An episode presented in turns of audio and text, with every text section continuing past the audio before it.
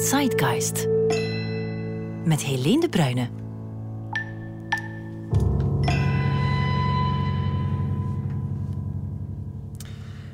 Goedenavond, welkom bij het. Voor de tweede keer een uitzending over mannelijkheid. Over de man en de kunst deze keer. Of hoe we denken dat mannen en mannelijkheid mee de kunst hebben bepaald. Uh, met gasten uh, auteur Jan Postma, die zit op afstand in Rotterdam uh, vanwege corona niet hier in de studio. Wij staren naar elkaar via een heel klein schermpje. Dag Jan, fijn dat je er bent. Een heel groot scherm in mijn geval. Ah. Dankjewel dat ik hier mag zijn. Graag gedaan. Je bent er omdat je een boek hebt samengesteld voor Das Mag. Um, een prachtig boek. Het is een, um, een um, roze cover en er staan twee blauwe eikeltjes op. En de titel is Jongens, waren we? De problematische seksen in de literatuur. Een bundel essays over de man in de literatuur. Uh, maar ik kom later bij je terug. Eerst even de andere gast ja. aan tafel introduceren. Uh, Siska Hoed zit bij mij aan tafel. Je bent theaterwetenschapper en journalist, maar je bent ook directeur van ROSA. Ja. Dat is het kenniscentrum voor gender en feminisme. Kenniscentrum voor Gender en Feminisme. Wat heeft dat dan met mannen te maken, zullen de meeste luisteraars wel denken? Um, ja, van alles. We, we zijn uiteraard uh, ooit begonnen als een, uh, een uh, feministische organisatie. We zijn dat ook nog altijd. Maar we zijn er wel ook van overtuigd dat, um, dat die gendernormen, die stereotypes, die uh, zo diep geworteld zijn in onze samenleving, dat die niet alleen schadelijk zijn voor vrouwen, maar ook nadelen hebben voor mannen. Um, en ja, we hebben ook altijd al gevonden dat wij mannelijke bondgenoten en mannelijke feministes naast ons nodig hebben. Feministen naast ons nodig hebben. Maar uh, ook uh, dat mannen het feminisme ook kunnen gebruiken. Dus uh, dat is zeker iets waar we ook op inzetten als organisatie. Wat denk jij daarover, Jan, als je dat zo hoort? dat de mannen het feminisme ook nodig hebben? Dat lijkt me compleet vanzelfsprekend. ik, ik denk dat, dat dat je, je kunt het niet over, over gender en stereotypen hebben zonder uh, daarbij ook de man en zijn mannelijkheid te beschouwen. En ik denk dat als er iemand last heeft van mannelijkheid, dan is dat de vrouw. Maar daarna op de tweede plek komt toch echt wel de man. Voilà, we zijn er. Einde gesprek. kunnen we de uitzending hierbij besluiten. Maar we moeten het nog heel even hebben over um, de man en kunst. Want eeuwenlang was de kunstenaar, of tenminste het beeld van de kunstenaar, vanzelfsprekend een, uh, een man. Bijvoorbeeld Ernst Gombrich, dat is zo'n beetje de belangrijkste kunsthistoricus van de 20e eeuw. Met zijn uh, The Story of Art schreef hij in 1950 echt een standaardwerk over de kunstgeschiedenis. Daar staat geen enkele vrouw in. Um, ja, waar komt dat beeld eigenlijk vandaan dat de kunstenaar een, een man is? Um, dat is een vraag voor mij. Ja. Ja, um, uh, ja het is uh, het beeld van die, die mannelijke genie, hè, die kunstenaar als genie, dat hebben we vooral geërfd uh, vanuit de verlichting. Um, nu, allee, het, het, het manbeeld dat we hebben zit natuurlijk al verweven doorheen heel de westerse beschaving. In de renaissance was er sprake van de homo universalis en niet van de femina universalis. Dus, dus je kan dat in elk tijdsperk al aanduiden. Maar, maar dat beeld van, dat we van, waar we vandaag nog heel erg mee zitten, dat genie dat stamt echt uit de verlichting. Dat is uh, met name Kant heeft daar uh, zeer beroemde zinnen aan gewijd. En dat is daarna overgenomen door uh, de romantiek, uh, Goethe onder meer, die het had over de originele en expressieve kunstenaar. En we zien daar telkens ja, het beeld van een aangeboren groot talent, een soort van goddelijke gave die is meegekomen uh, met, met die kunstenaar. The genius as a god within is zo'n hele typische uitspraak. En dat hebben we eigenlijk nog altijd, um, als we denken aan het cliché van de kunstenaar, dan is dat die, die man die uh, ja, bijzondere uh, talenten heeft die ehm, ten koste mogen gaan van alles. Hè, die op een piedestal wordt gezet, die vaak ook een soort van hofhouding rond zich heeft, die allemaal in diensten staan van die grote kunst.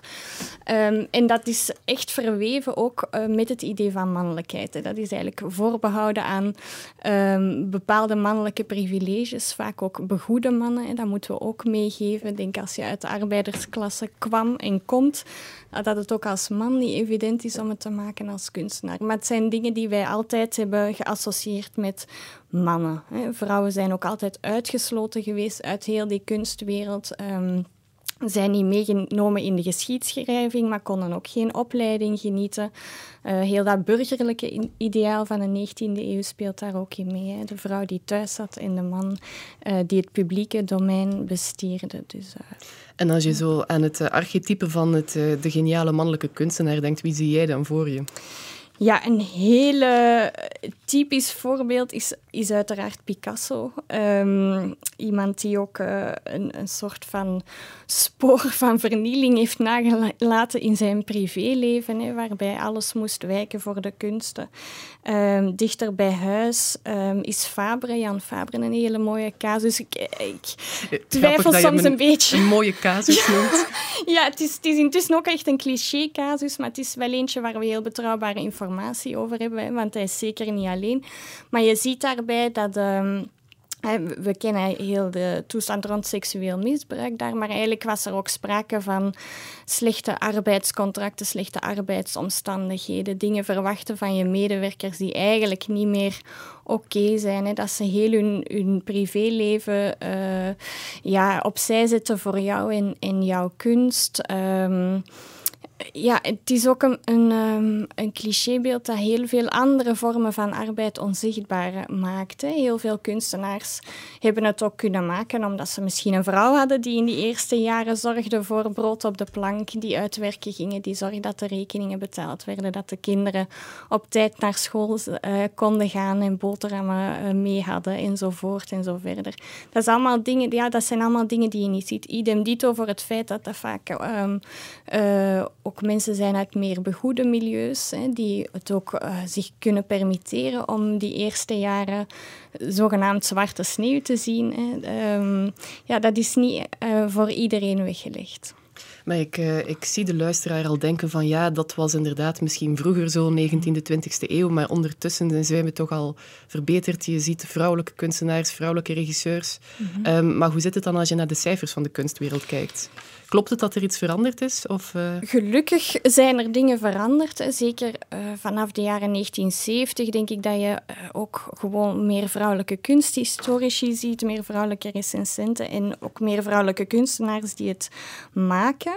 Nu, tegelijkertijd ja, zijn die cijfers nu ook niet zo rooskleurig. Hè. In de beeldende kunsten bijvoorbeeld, uh, denk in 2018 nog, is 95% van het geld dat omging in de kunstmarkt, uh, ging naar mannelijke kunstenaars of naar werk van mannelijke kunstenaars ook 95 eh, procent. Dus, uh, en we weten ook uit onderzoek bijvoorbeeld dat uh, het werk van vrouwelijke kunstenaars gewoon standaard lager gewaardeerd wordt, hè, zowel in de literatuur als in de beeldende kunst, wanneer we weten dat er een, een vrouwelijke hand uh, aan het werk was. Hè. Dus dat zijn dingen die toch nog altijd spelen. Ook ja, collecties in musea. Um, ja, heel vaak um, zijn die nog grotendeels mannelijk. Ook nieuwe aankopen zijn vaak nog 90% mannelijk. Het hangt een beetje van museum tot museum af.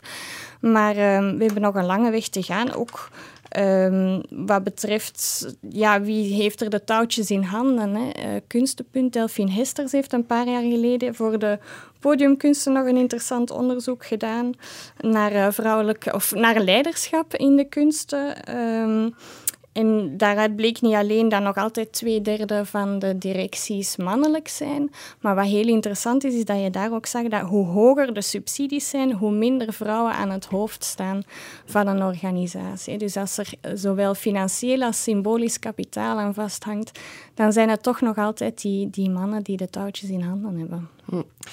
Um, nu, heel lang was uh, de schrijver, want we hebben het nu gehad over uh, beeldende kunst en, en, theater vooral, maar heel lang was de schrijver ook uh, nogal vanzelfsprekend een man. Um, ook daar is wel um, iets aan het veranderen, of wordt er wel vaak, de, worden er vaak dingen in vraag gesteld. De Paris Review of Books bijvoorbeeld heeft een maandelijkse rubriek um, Feminiseer je kanon, om de lezers erop attent te maken dat de leeslijsten en de, de kanon die ze hebben leren kennen, maar ja, een topje van de ijsberg is en dat er heel veel goede vrouwelijke schrijvers te ontdekken vallen. Uh, nu, een beetje uh, tegenovergestelde hebben jullie gedaan, Jan Postma en Jongens Waren we. Jullie hebben net twintig mannelijke schrijvers die tot een of ander kanon behoren of ehm, die toch, ja, waarvan het toch goed staat te zeggen dat je die gelezen hebt, uh, onder de loep genomen? Ja, uh, ik denk dat voor ons was het, was, uh, zeg maar, het boek is, is, is geboren uit een samenwerking tussen de uitgeverij en de Groene Amsterdammer, het weekblad waar ik werk. En een jaar eerder had mijn collega Marja Pruis een feministische leeslijst samengesteld.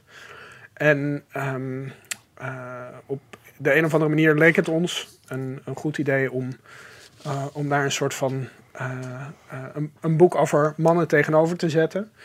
Um, ik twijfelde daar van tevoren een klein beetje over. Of ik dat zelf ook zo'n goed idee vond. Omdat ik het idee had van.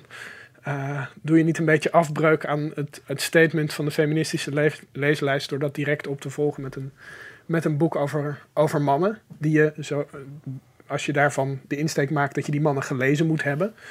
Um, dus dat is eigenlijk ook niet de insteek van het, uh, van het boek geworden. Uh, ik denk dat waar we het gewoon allemaal wel over eens waren, was dat, dat mannelijkheid als een soort van. als, als iets wat je. Uh, als een probleem kunt beschouwen, op dat moment heel, heel erg actueel was. Um, uh, een, een, een, een, deel van, van de Nederlanders was, was erg in de greep van de Canadese psycholoog Jordan Peterson. En de discussies die daaromtrent allemaal gevoerd werden, die maakten dat dat allemaal heel erg, erg urgent voelde. Misschien even voor de onwetende luisteraar, wie is uh, Jordan Peterson ook alweer? Ja, god. Ik, ja. Het, het, is een man die zich moeilijk laat samenvatten. Maar um, een, een Canadese psycholoog die, uh, die er nogal traditionele ideeën over bijvoorbeeld man-vrouw verhoudingen op nahoudt. En die mateloos populair is in, in, in, in alt-right kringen. Um, uh, en die op dit moment, geloof ik, ook uh, herstellende is van een, van een alleen vlees eten dieet. Waar die door zijn, door zijn dochter uh, op was gezet. nou ja, het is een, een hele een, een wonderlijke en een beetje enge, enge figuur in, maar wel erg populair. Zijn boeken worden miljoenen maar keer erg, Maar zeer populair inderdaad. En, uh, en, en ook uh, in, in bepaalde kringen gewoon een gerespecteerde, gerespecteerde denker. Um, maar, dat, uh, zeg maar die discussies waren, waren een beetje de grond voor, voor het boek wat we, dat, dat we dan wel wilden maken. En dat, dat kreeg een iets andere insteek. Niet een boek van mannen die je gelezen moet hebben of wat dan ook. Um, maar een boek wat was opgebouwd uit, uit essays die eigenlijk boeken van mannen over mannen, die niet specifiek over mannelijkheid gaan, uh, lezen met toch die vraag in, de achter, in het achterhoofd. Zeg maar, wat voor mannelijkheid, wat, wat is het beeld van mannelijkheid wat in dit boek een rol speelt? Um, en dat leverde, uh, denk ik, een klein twintigtal uh, soms interessante en soms nog interessantere stukken op. Ja, ik werd er wel een beetje droevig van, moet ik zeggen, uh, na het lezen van het boek. Omdat al die mannen die worden opgevoerd, uh, bijvoorbeeld uh, Koetsé, uh, zo'n oude man die zich aan grensoverschrijdend ja. gedrag bezondigt en eigenlijk een, zichzelf overbodig maakt volledig in de samenleving. De mannen uit de Moelisch, een boek, twee vrouwen die niet, niet ja. veel meer dan een lesbische relatie nodig hebben om een soort patriarchale monsters te worden. Uh, de personages van Updike, die ook een soort uh, babyboomers avant la lettre zijn, die ja. zich totaal niet bewust zijn van hun eigen voordelen in het leven. Nee, het is, er, er kwam nogal een naar beeld van de man naar boven uit die... Ik zou het bijna seksistisch durven noemen als ik het zo allemaal het is, bij elkaar zag. Uh, het, ik, ja, je kunt het naar noemen, maar ik denk dat er ook iets heel tragisch... Uh, dat, het, dat, dat wat je nu allemaal benoemt... Uh, ik denk dat het woord tragisch die lading eigenlijk ook wel dekt. Mm. En ik denk dat de mannelijkheid waar, waar we veel over geschreven hebben... ook om, om dat tragische gaat. En dan gaat het om een heel specifiek soort tragiek... dat, dat mannelijkheid uh, in heel veel verhalen uiteindelijk neerkomt op een soort van onvermogen van een mens. En dat is dan een man, maar dat is dan een mannelijke man. Uh, maar een soort onvermogen van die, van die mens om, om met tegenslag om te gaan of, of uh, om, om zichzelf daadwerkelijk onder ogen te komen.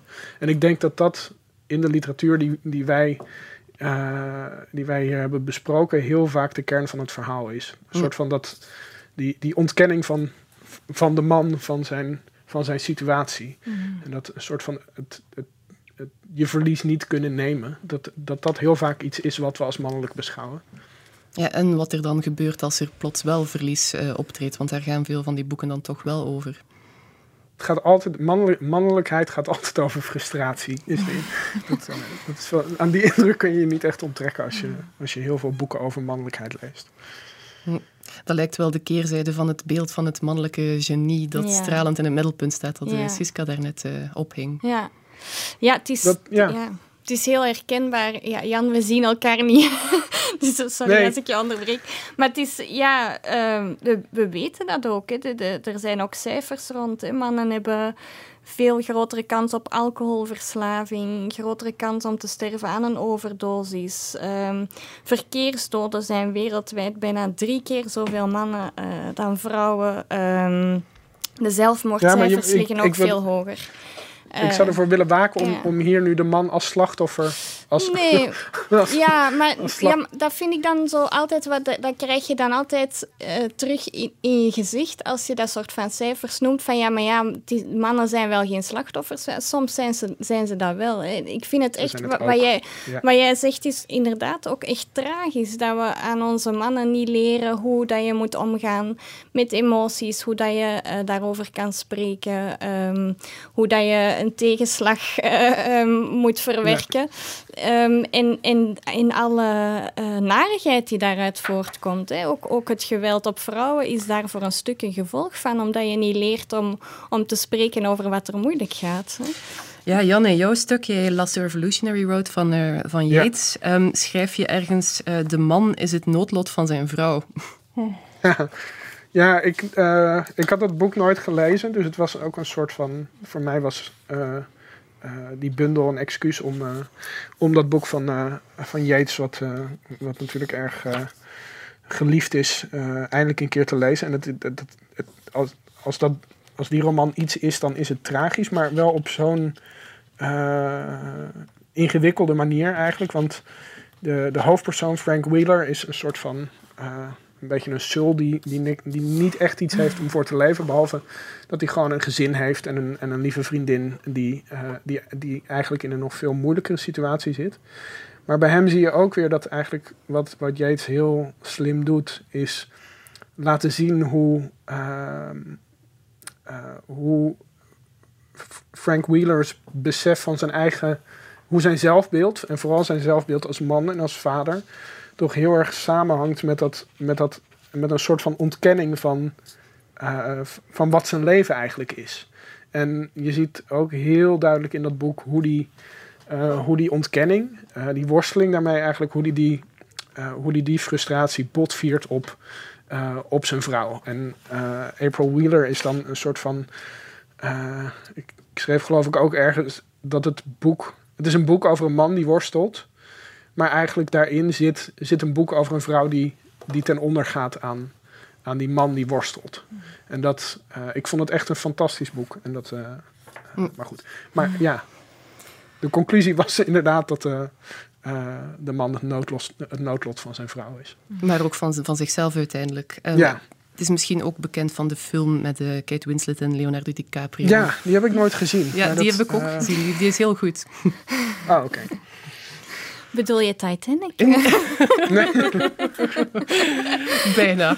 Nee, van, maar dan in huiselijke sfeer, denk ik. Dat, uh... Uh, goed, uh, stripje muziek.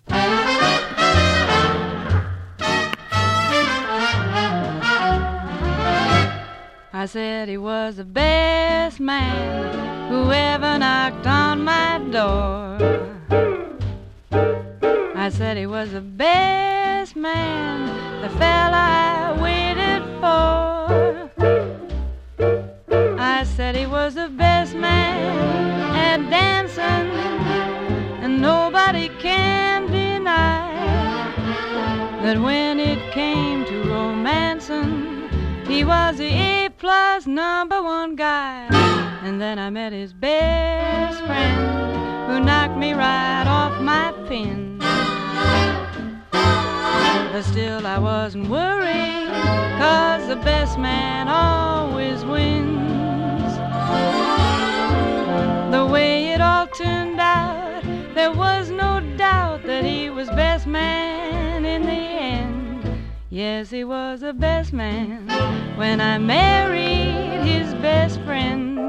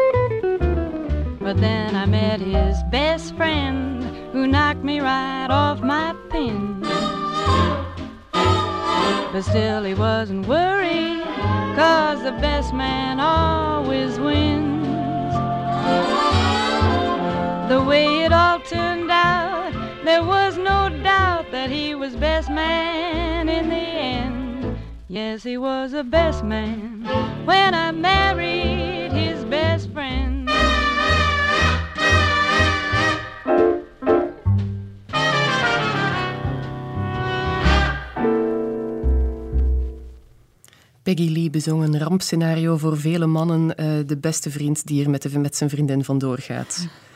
Um, nog, dit is nog steeds het Zeitgeist. Ik zit in de studio met Siska Hoed en uh, Jan Postma vanuit Rotterdam.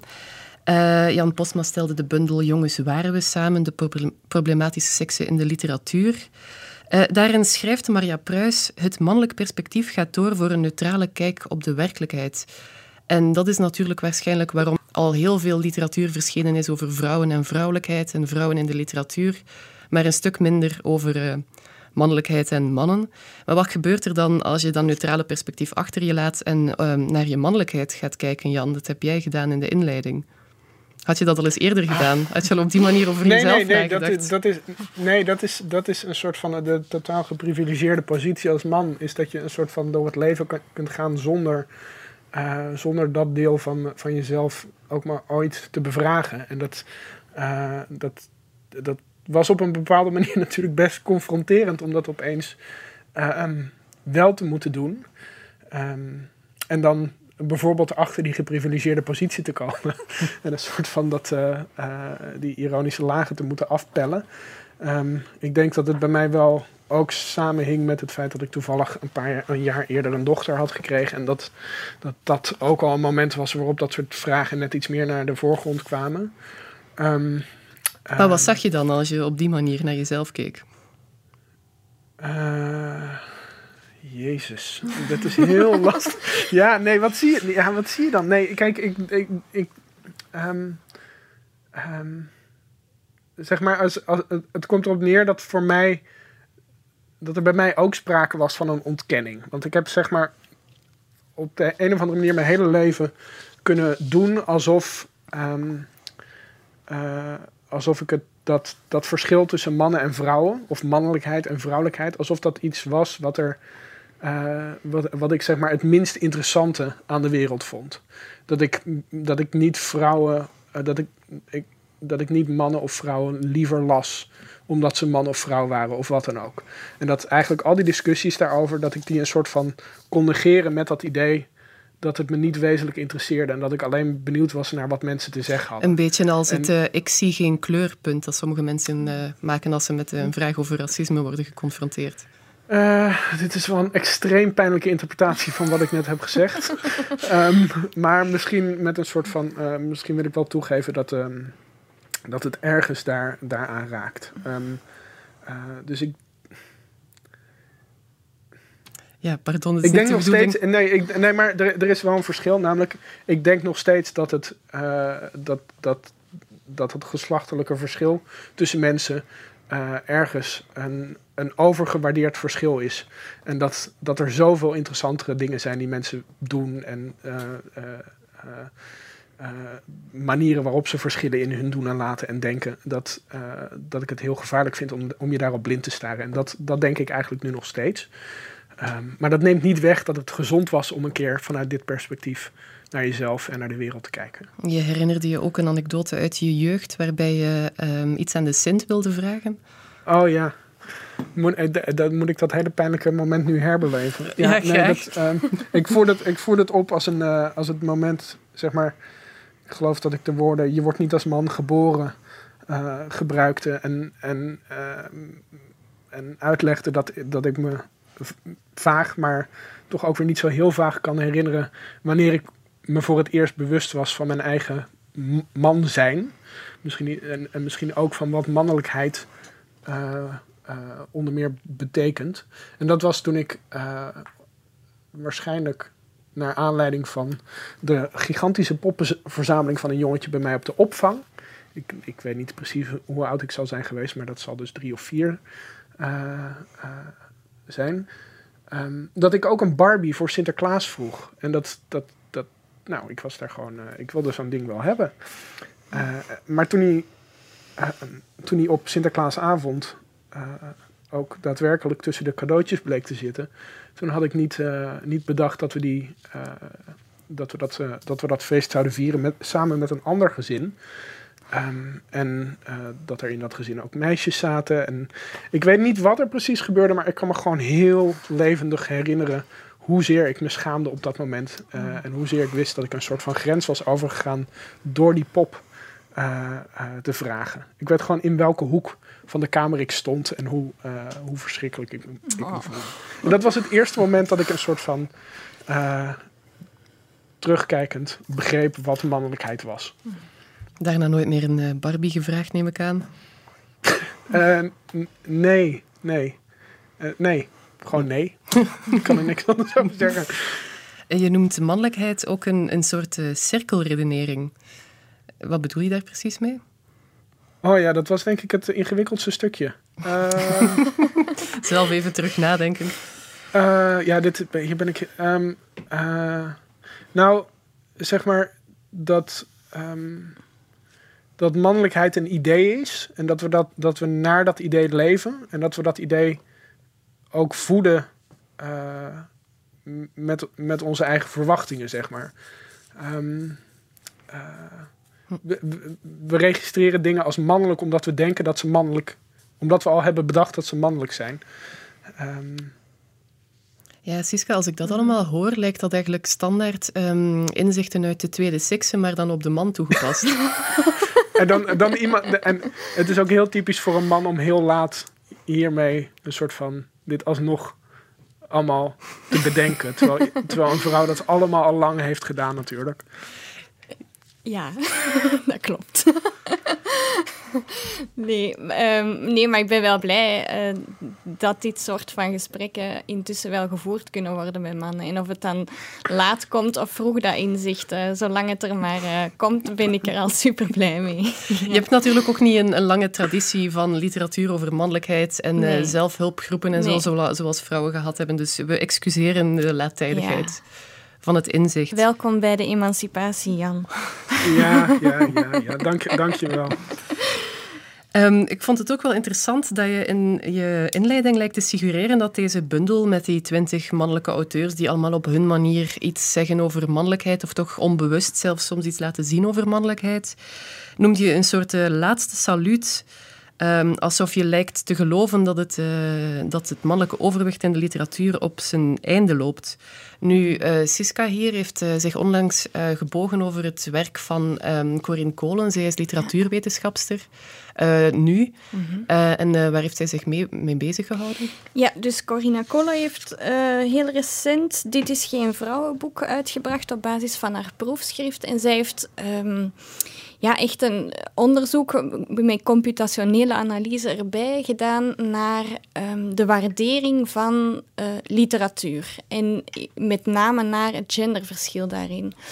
Um, dus zij is samen met een aantal collega's heeft zij dat nationale lezersonderzoek gedaan in 2013. En toen bleek, dat is in Nederland een grootscheepse enquête waarbij lezers dus mochten aanduiden welke boeken dat ze literair vonden en welke minder. En daar kwam een hele grote lijst uh, uit naar voren. En helemaal bovenaan uh, stonden er allemaal mannen. De top 10 was gewoon 100% mannelijk. En helemaal beneden bungelden er alleen maar vrouwen. En ik denk ook dat zeg maar in de helft, dus 70% van de bovenkant was mannelijk en 70% van de onderkant was vrouwelijk. En toen dacht, toen dacht zij, tja, daar ga ik eens uh, verder in graven. Dat was dus eigenlijk niet haar bedoeling om daar naar... Uh... Nee, nee, uh, nee, zij was daar niet mee bezig, maar ja, ze heeft dat wel opgemerkt en ze is daar verder mee aan de slag gegaan. En dat is dan haar proefschrift geworden. Um, en wat komt daar dus naar voren? Ja, dat we nog altijd, van zodra dat we weten dat een tekst geschreven is door een vrouw, dat wij die standaard lager waarderen dan een tekst die geschreven is door een man. En ook bijzonder is dat we vrouwelijke hoofdpersonages ook lager inschatten dan mannelijke hoofdpersonages. Dus wat dat betreft, het is zeker zo dat vrouwelijke auteurs uh, aan een opmars bezig zijn, maar, maar we zijn er nog niet. Hè. Dat zie je ook, ja, die literaire prijzen die nog altijd voor 25% maar naar vrouwen gaan. Uh, aandacht in de pers voor vrouwelijke literatuur. Ik denk 30% gaat naar vrouwen, 70% naar mannen. Mm. Dus er is toch nog een weg te gaan, vrees ik. Het uh, simpele tegenargument is dan natuurlijk, ja, kan allemaal wel zijn, maar misschien zijn die vrouwen gewoon minder goed. Ja, dat blijkt dus niet uit dat onderzoek. Omdat zij die computationele analyse heeft gedaan, kon zij teksten eigenlijk ook op stijl en techniciteit vergelijken. En dan blijkt um, dat daar toch uh, geen sprake van is, dat er geen echt significante verschillen zijn tussen mannelijke en vrouwelijke schrijfstijlen binnen het literaire genre. En ook, ze heeft een aantal uh, blinde proeven gedaan. Dus mensen die niet wisten dat ze een tekst van een man of een vrouw aan het lezen waren, of die dachten dat ze een tekst van een man aan het lezen waren, maar het was eigenlijk van een vrouw. Um, en daarbij blijkt dus dat dat soort van verschillen um, uitgewist raken. Dus het gaat echt puur om die genderfactor. Net zoals ze nu voor orkesten... Uh, ja, Jan wil iets zeggen. Ik wilde even zeggen dat dat wel bemoedigend is. Als mensen niet doorhebben of ze een man of een vrouw lezen, dan is dat verschil ja. misschien toch niet zo heel belangrijk. Nee, het is, ook, het is echt niet belangrijk. Ja, nee, maar ik bedoel, het, gewoon zo onbeduidend als je hoopt dat het is. Ja, ja, ja. Ja, hetzelfde zie je ook in andere um, uh, takken van de kunst. Bijvoorbeeld bij orkesten laten ze nu soms um, muzikanten achter een gordijn een uh, auditie doen. En dan blijkt dat er dan wel meer vrouwen worden uitgekozen als het uh, alleen over de muziek gaat. Of ook bijvoorbeeld, dat vind ik wel een interessant geval, de renaissance portretschilder Sofonisba Aguisola, die echt prachtige portretten maakt. Mm -hmm. Die um, heel lang konden ze haar hand, handtekening niet ontcijferen en hadden ze niet door ja. dat het een vrouw was. En werd hij dus ergens toegeschreven, werden die werken aan een man toegeschreven. Mm -hmm. Toen werd hij als geniaal beschouwd en dan later, toen de ware toedracht duidelijk werd, verdween die in de archieven van de musea. Ja. Dus het is niet alleen iets waar de literatuur last van heeft. Nee, nee, nee. Het is elke kunsttak. Ja. Hm. Ja. Je zou bij haast zeggen maatschappij breed. Ja, natuurlijk. Ja. Nu, heeft het beeld van de kunstenaar dat we in het begin van de uitzending geschetst hebben, de kunstenaar als zo het, uh, het genie dat alles opoffert voor zijn kunst en dat mhm. daarbij roekeloos leeft en uh, grootse gebaren en zo, heeft dat beeld uh, ermee te maken dat we kunst van mannen vaak als beter interpreteren dan kunst van vrouwen?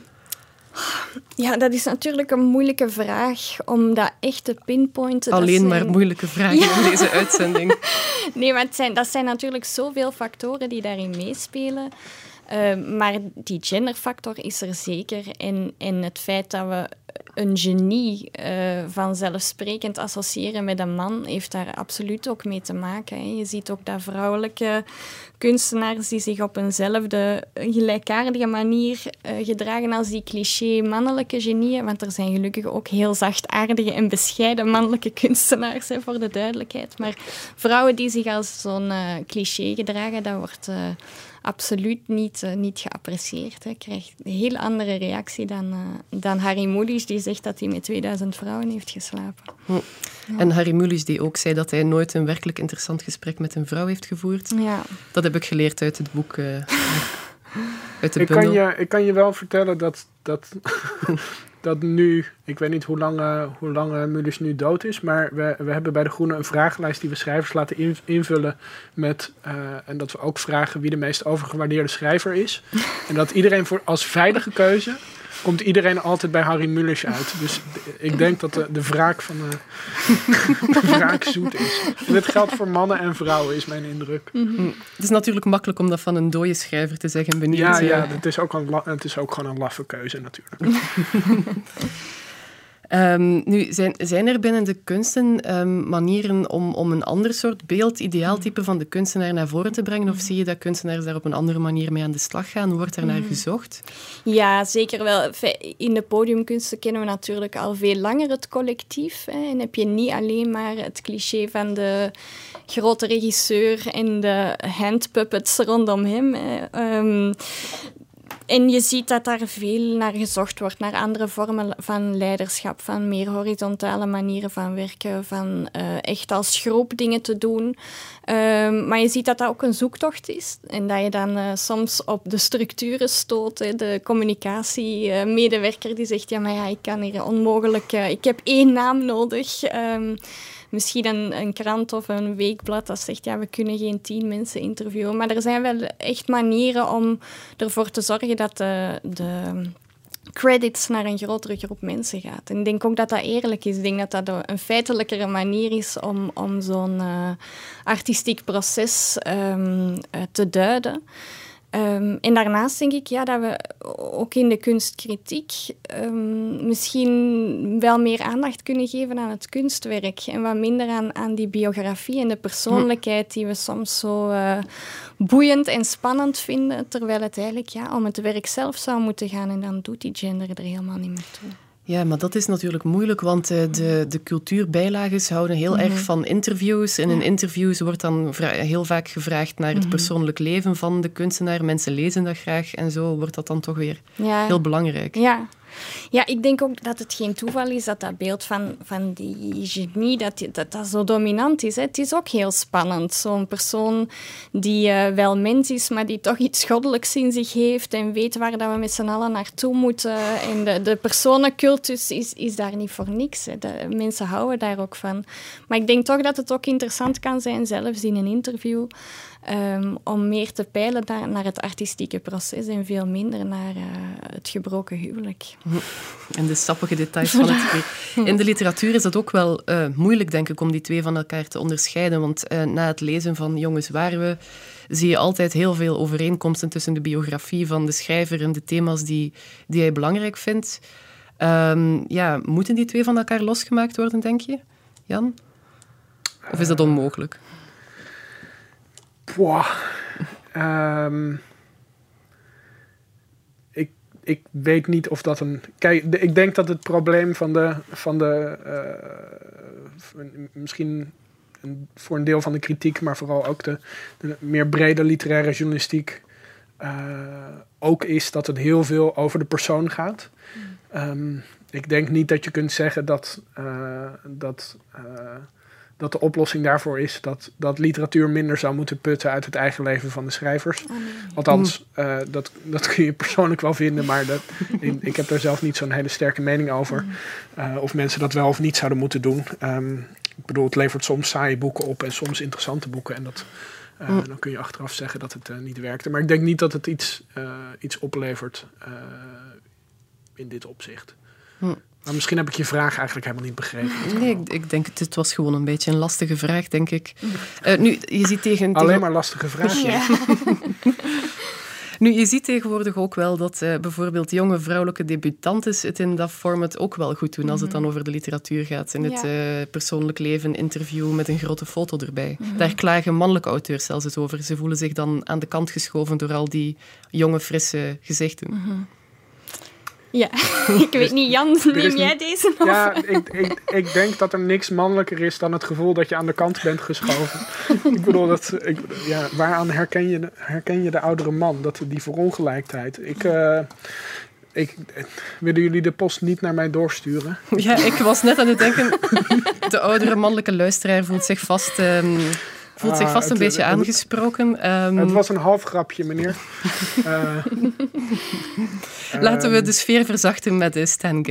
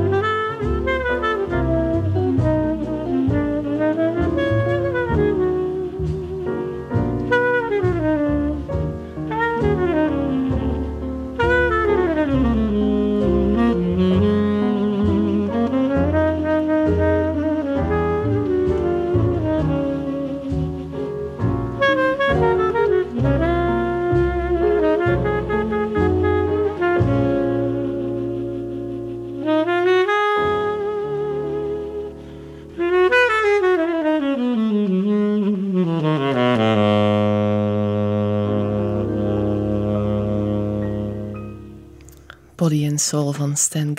Wij zijn hier ondertussen nog steeds erg lastige vragen aan het stellen over mannen, mannelijkheid en kunst. Ehm, daarom nog een lastige vraag voor eh, Jan Postma.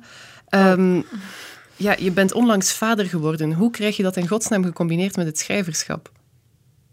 Uh, niet. ja. um, het beste antwoord is om je ambities uh, in het leven gewoon een klein beetje naar beneden bij te schroeven.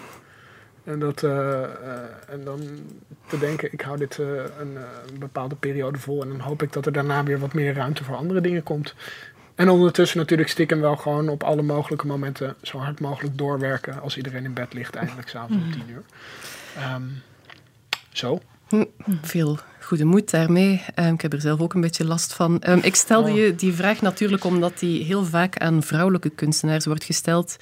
Um, in haar memoires uh, was de Sally Mann, fotografe, daar behoorlijk gefrustreerd over. Zij werd altijd onder de loep genomen over um, hoe ze omging met haar kinderen, met, die soms ook in haar werk opdoken, hoe ze omging met haar moederschap. En zij zei, ja, al die uh, geniale mannen die ik rond mij zie, die worden daar nooit eens... Uh, over ter verantwoording geroepen. Mm -hmm. um, maakt dat het ook makkelijker, denk je, Siska, voor een mannelijke kunstenaar? Die traditionelere, ik wil nu natuurlijk ja. niet iedere man en iedere kunstenaar nee. over dezelfde kam scheren, maar de, de zorg voor de kinderen is traditioneel natuurlijk een vrouwendomein. Je merkt, ja. ik wil niemand boos maken. Um, ja, ik denk dat het uh, voor sommigen, zeker degenen die passen in dat, in dat mythisch, heroïsche geniebeeld, dat het soms zelfs uh, bijdraagt aan dat beeld. Hè, dat ze er zelfs winst uit halen.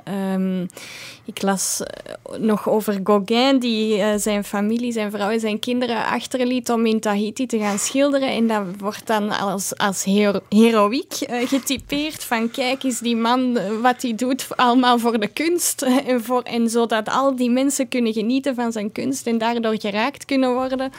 Um, ik denk niet dat je dat als vrouw als reactie zou krijgen. Ik, ik zag onlangs nog um, een reportage of een uh, documentaire over Raymond van het Groenewoud, die, die een geweldige muzikant is, maar uh, parallel met, met zijn carrière werd ook zijn privéleven en, dan met name zijn relaties uh, geschetst. En dan krijg je toch een beeld waarvan dat ik dan eventjes schrik, in die zin van dat ik denk, ja, goh, ehm, ik denk niet dat hij daarvan genoten heeft, van al die gebroken relaties en, en kinderen die hij achtergelaten heeft. Ik wil het ook zo niet voorstellen, maar ik denk niet dat wij als vrouwen Er een ooit op die manier... Ja, toch, het ruikt daar soms een beetje naar, ja. Hm.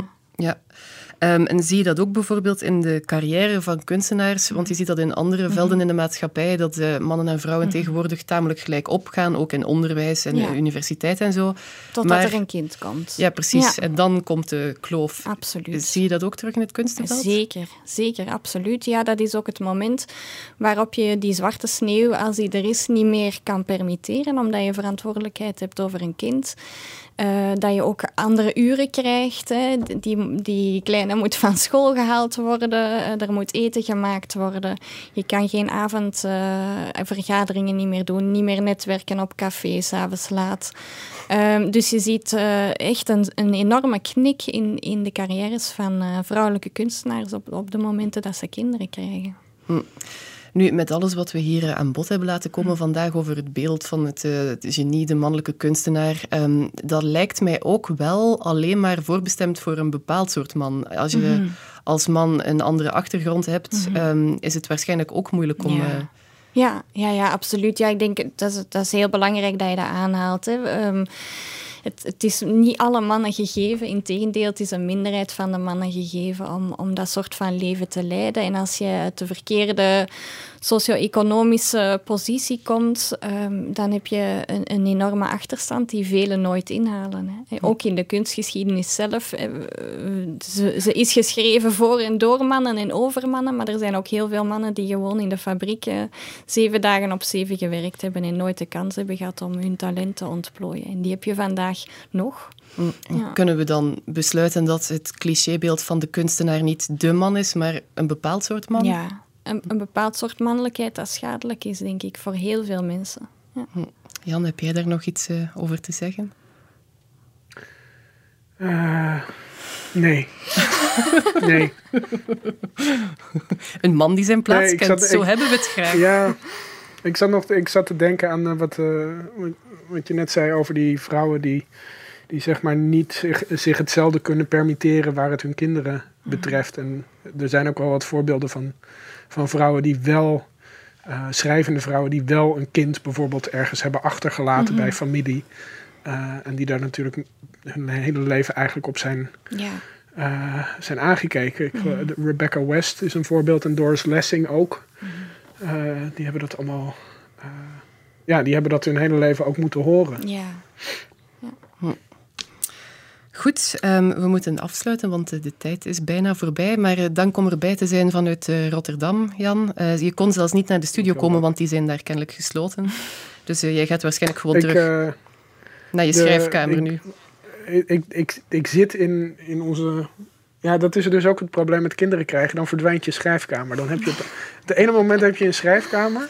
En het andere moment heb je een iets kleiner schrijfkamertje. En dan het volgende moment heb je helemaal geen schrijfkamer meer. En dan krijg je klachten over hoe groot het bureau is, wat eigenlijk niet in de slaapkamer past. Maar ehm, ja, dat, Virginia dat is Woolf nu een wist beetje... al dat dat geen goed idee was. Ja, hè. ja, nee, nee, nee. Maar ja, goed. Nou, Daar dank, kan ik er, niet mee komen aanzetten. dank om er toch even eh, bij te Ik zijn. vond het heel fijn. Ja. Siska, jij ook bedankt. Ja, en ehm, dank voor het luisteren en geniet nog van de avond bij Clara. Hierna komt eh, Take Six.